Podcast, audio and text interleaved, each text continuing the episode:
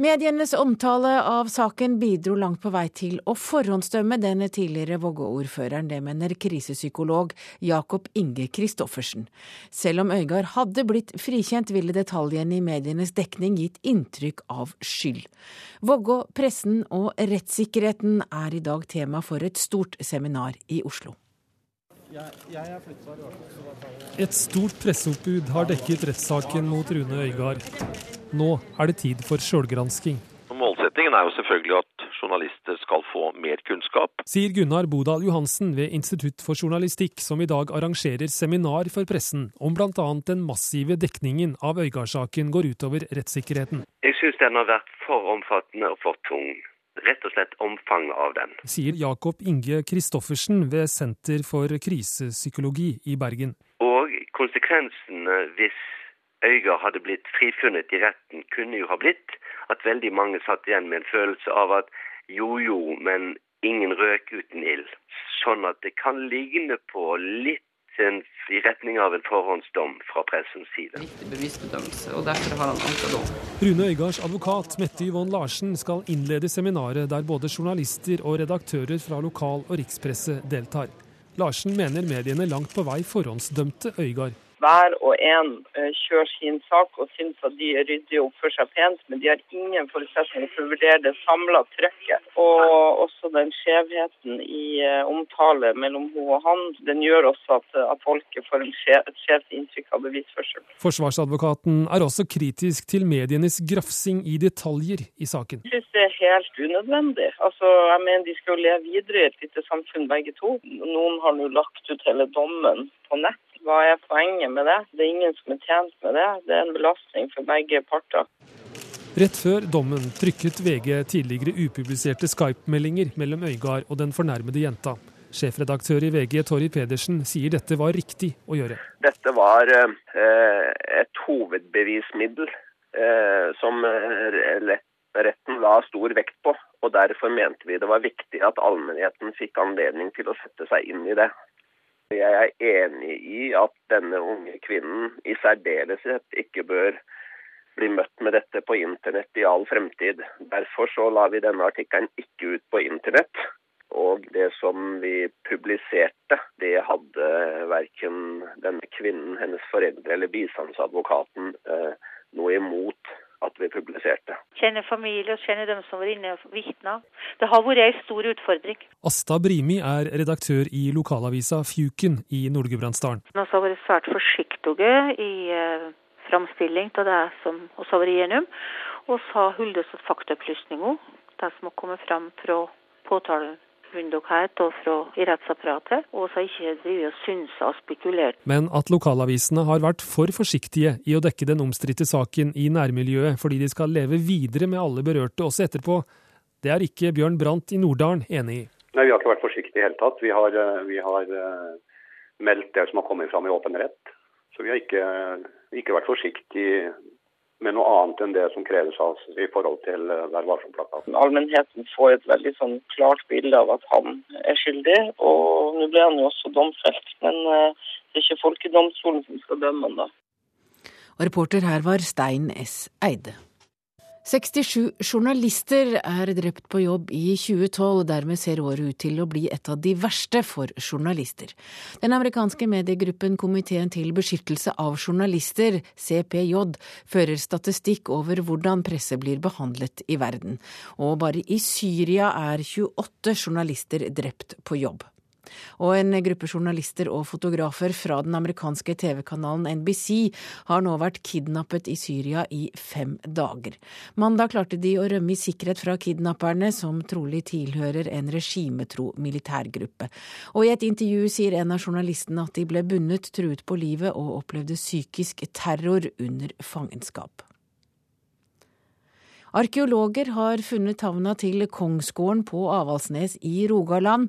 Det er første gang i Norge det er funnet en havn i tilknytning til en kongsgård, sier marinarkeolog Endre Elvestad ved Stavanger maritime museum.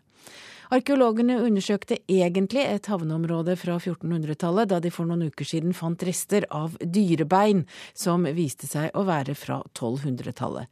Elvestad tror det er mer å finne i sjøen på Avaldsnes.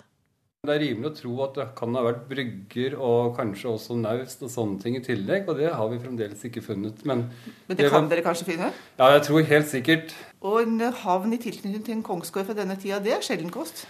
Ja, det er ikke funnet i Norge tidligere, så det er veldig spesielt. Hvor overraska ble du da når du fikk disse resultatene? Jeg ble veldig overrasket, så jeg har liksom ikke rukket helt å fordøye det ennå. Nei. Reporter her var Marianne Terjesen. I USA pågår det nå en stor debatt om vold i film, TV-serier og spill. Mange peker mot Hollywood når de skal forklare økningen i skytetragedier de siste årene. Last chance, fancy pants. Oh, very well. Skytescenen er fra Quentin Tarantinos siste film. Spagettivesteren skulle bli lansert i Los Angeles i går, men planene ble utsatt av hensyn til de som ble rammet av skytetragedien i Newtown. Også premieren på den siste filmen med Tom Cruise er utsatt, i tillegg til enkelte episoder av komiseriene American Dad, The Cleveland Show og Family Guy. Oh, isn't that beautiful? Oh, it's nice they put Joseph in there, even though he's not really the father. De siste 30 årene har 61 skytemassakrer funnet sted i USA, ifølge magasinet Mother Jones. Nå mener mange amerikanere at Hollywood må stille seg selv spørsmålet har filmindustrien bidratt til denne økningen med sine voldelige filmer, og er det på tide å skjerpe sensuren? Many are also blaming violent video games and movies. After all, 11 violent movies are now in the theaters just one week before Christmas, the day we celebrate Christ's birth. Elleve voldelige filmer går på amerikanske kinoer nå, og det er rett før vi skal feire Jesu fødsel, påpeker nyhetsoppleseren på CNN. Mens regissør Quentin Tarantino mener det blir feil å skylde på filmindustrien. No, that. Publikum har da fått se vold helt siden Shakespeares tid, sier han. this has gone back all the way down to Shakespeare's days. All right, when there's violence in the street, you know, the cry becomes blame the playmakers. Ja, reporter her var Ina Strøm, og Svein Mossegge, du er professor i psykologi ved Universitetet i Oslo. Du har forsket på medievold, og hva tror du har Hollywood skyld for eh, alle skytetragediene vi ser nå?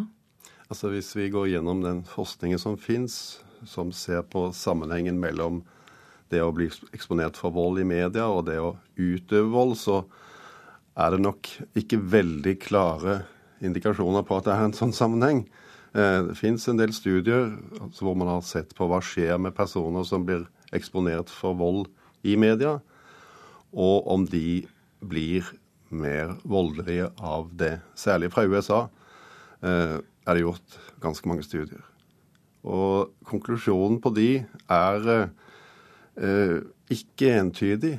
Altså Umiddelbart så blir man på en måte satt i en tilstand når man ser vold, som er på en måte i overensstemmelse med det man ser på.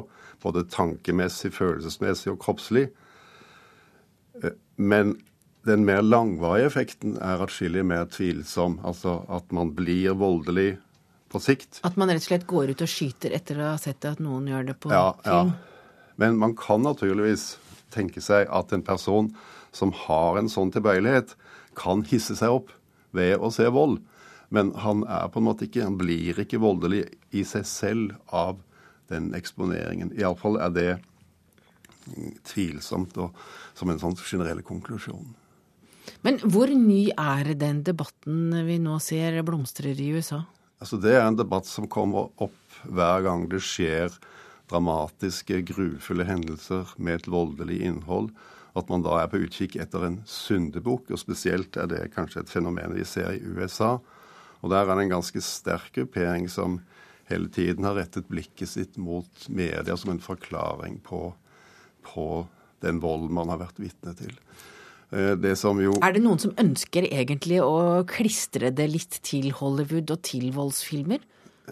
Jeg tenker nok at det er en eh, forklaring som på en måte umiddelbart kan få en slags allmenn oppslutning, for der er det en eh, lett identifiserbar skal vi si, fiende eller årsak til elendigheten. Mens veldig mange av disse studiene som har prøvd å se på sammenhenger, de har i liten grad f.eks. vært opptatt av er det noen sammenheng mellom eksponering for vold i hjemmet og det å bli voldelig. Og den voldeligheten som skjer i hjemmet, den er jo noe som foregår jevnt og trutt ofte. Og der vet vi at det er en sammenheng. I 2009 så presenterte du en studie som hadde tittelen, eller stilte spørsmålet 'Medievold avler vold, reell frykt eller moralsk panikk'. Hva svarte du på det spørsmålet? Vi svarte at det var veldig, altså ikke var veldig klare holdepunkter for, pga. alle de studiene vi gikk gjennom, da, som var amerikanske, at det var en klar sammenheng uh, mellom eksponering for vold i media og det å utøve vold selv. Takk til deg, Svein Mossige. Du er altså professor i psykologi ved Universitetet i Oslo. Ja, det er ikke bare gammeldans og folkemusikk som skal bevares, også moderne kulturuttrykk bør bevares, mener professor i sosialantropologi Odd Are Berkåk. Hipsterkulturen bør inn på Unescos liste over immateriell kulturarv, mener Berkåk, og for første gang skal altså Norge nominere kulturuttrykk, tradisjoner og utøvende kunstformer som de mener bør få plass på Unescos liste. Respatex og plastikk og, og sånne Respatex-paneler og sånt noe. Det er et hyperinteressant sted. Han sitter på en svært trendy amerikansk diner og suger til seg Oslo anno 2012. Professor i sosialantropologi ved Universitetet i Oslo, Odd Are Berkåk, er omringet av unge trendsettere innen mote og forbruk. Han mener at hipsterkulturen er et eksempel på moderne kulturuttrykk som bør inn på Unescos liste for immateriell kulturarv. Ja, Det er jo altså en rekke samtidskulturformer som, eh, som, er viktige for oss i dag. Eh, du kan tenke på her vi sitter nå på Grünerløkka, altså hele hipsterkulturen. Caffè latte, snowboarding, slengord i dataverden og hipsterkulturen er alle eksempler på kulturuttrykk og praksis som vi omgir oss med i hverdagen.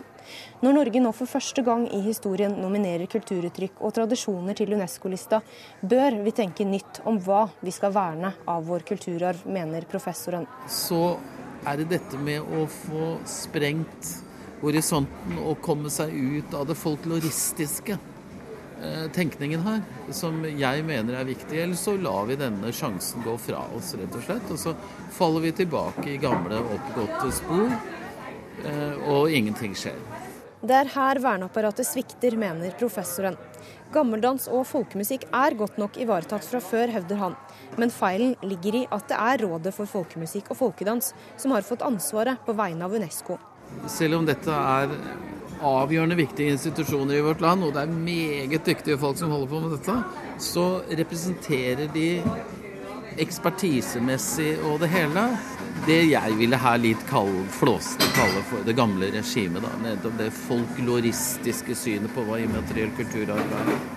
Gjørtlertradisjon, eh, bunadssøm, eh, oselvar, altså båtbyggertradisjon, også bruk av båt. Direktør for Senter for immateriell kulturarv, Eivind Folk, nevner noen av bidragene som er foreslått til listen hittil. Nei, Det som er veldig viktig, det er å synliggjøre den delen av kulturarven som ikke er de fysiske kulturminnene. Eh, og det er ganske dramatisk, fordi at når en tradisjon, tradisjonskunnskap, som da er et menneske, når det mennesket blir borte, så forsvinner den kunnskapen. Det er helt åpent for at moderne kulturuttrykk, slik som hipsterkulturen, kan meldes inn som element på lista, sier han. Det er jo ikke å være Berkåk, professor Berkåk som skal sitte og finne på ting som skal inn på listen. Fordi dette, denne konvensjonen skal være en grasrotkonvensjon. sånn at ønsket må jo komme nedenifra. Det skal ikke være vi som sitter og finner på ting. Nå vet jeg ikke så mye om denne listen. Tilbake på Grünerløkka i Oslo er det få av kafégjengerne som har hørt om Unescos vern av immateriell kulturarv. Her er det fremtiden som gjelder. Jeg har ikke tenkt så mye på det, men akkurat det med sånn Grünerløkka og den den type kulturen som er her, tenker jeg først og fremst eh, har røtter fra helt annet, helt, et helt annet sted enn Norge, egentlig. Jeg vet ikke om det er så spesielt, spesielt at det kanskje Det spørs jo hvordan det utvikler seg etter her etter hvert, da. Kanskje det blir enda mer kulere og hippere. Ja, det sa ungdommene på Grünerløkka. Fristen til å nominere seg på listen er 20.1.2013, og listen skal sendes over fra Kulturdepartementet til Paris 31.3 neste år. Reporter her var Trine Leion. Og da er det tid for bok. I Kultur for kulturens skyld, utgitt av den høyreorienterte tenketanken Civita, leverer Christian Meisingseth, Anna Katarina Fonn og Martra og Åse Marte Horringmo en skisse til en liberal kulturpolitikk som allerede har vakt debatt. Boken er et etterlengtet bidrag til kulturdebatten, men vil trolig provosere like mye på borgerlig side som på venstresiden. Det tror vår anmelder Knut Hoem. Hvorfor må kulturpolitikk alltid være venstreorientert, sukket forfatteren Bengt Olsson, og skapte debatt i vårt naboland Sverige. Vel, det var den gang, får man lyst til å svare, for her kommer Kristin Clemets disipler i tenketanken Civita på banen med sin skisse til liberal kulturpolitikk. Boken er både etterlengtet og viktig. Kulturen har vært et lite prioritert politikkområde på høyresiden, helt siden Lars Roar Langslett, Georg Apenes og Halvard Stenstadvold ga Høyre et kulturelt image på det radikale 60- og 70-tallet. Nå blåser det en blå vind over kongeriket, og forfatterne av denne boken, som alle har fødselsår på 80-tallet, ønsker å være premissleverandører i forkant av et eventuelt maktskifte neste år. Det de nå legger frem er originalt og slett ikke alltid i tråd med det gamle travere som Høyres medlem i kulturkomiteen Olemic Thommessen har sett som god høyrepolitikk på kulturområdet. Boken består av en interessant analyse av kulturpolitikkens historie, slik den har blitt praktisert av sosialdemokratiet i etterkrigstiden. Denne delen av boken vil trolig være nyttig også for sosialdemokratiske kulturpolitikere, som ikke i tilsvarende grad har vært opptatt av å begrunne politikken Arbeiderpartiet til enhver tid fører. Mest interessant i denne boken når den problematiserer tanken om at kulturen skal nå mange. En tankegang som har ligget i ryggmargen hos Arbeiderpartiets kulturministre, fra Einar Førde til Haja Tajik. Denne utjevningstankegangens utilsiktede konsekvens kan da bli at bare kultur som har gjennomslag hos mange, har livets rett. Her slår denne boken fullstendig kontra, eller som de tre forfatterne formulerer det, staten skal ikke spille musikal. Hva det som er grunnen til at de tre forfatterne mener at kulturformidling gjennom Den kulturelle skolesekken er paternalistisk og arrogant, er mystisk. For de kan da umulig mene at markedet, i dette tilfellet barn i grunnskolealder, skal være i stand til å finne frem til den høykvalitetskunsten på egen hånd. Men forfatterne ser ut til å ha en klokketro på at skolene skulle prioritere kultur også når det ikke er øremerket penger til det. Det som absolutt går an å diskutere, er om kulturpengene i større grad bør fordeles på regionalt nivå. Men her går det an å innvende at det å gi større makt til lokale kulturbyråkrater vel kan komme i konflikt med prinsippet om armlengdes avstand. Hvor kvalitetsorientert og uavhengig blir tildelingen av midler hvis den bevilgende myndigheten befinner seg i samme by, holdt på å si på samme kafé som de som skal få pengene? Det mest sympatiske i denne boken er altså troen på at det finnes kunst av høy kvalitet som har livets rett, selv om den ikke når mange. Derimot er forfatterne på sitt aller mest usympatiske når de vil avvikle folkebibliotekene. Den manglende forståelsen forfatterne viser for biblioteket som ikke-kommersiell møteplass, er forstemmende.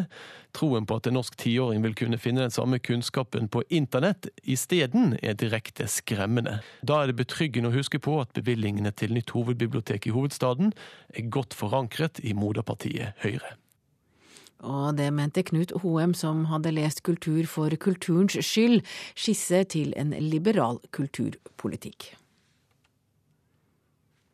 I disse dager kårer enhver redaksjon med respekt for seg selv årets beste bøker.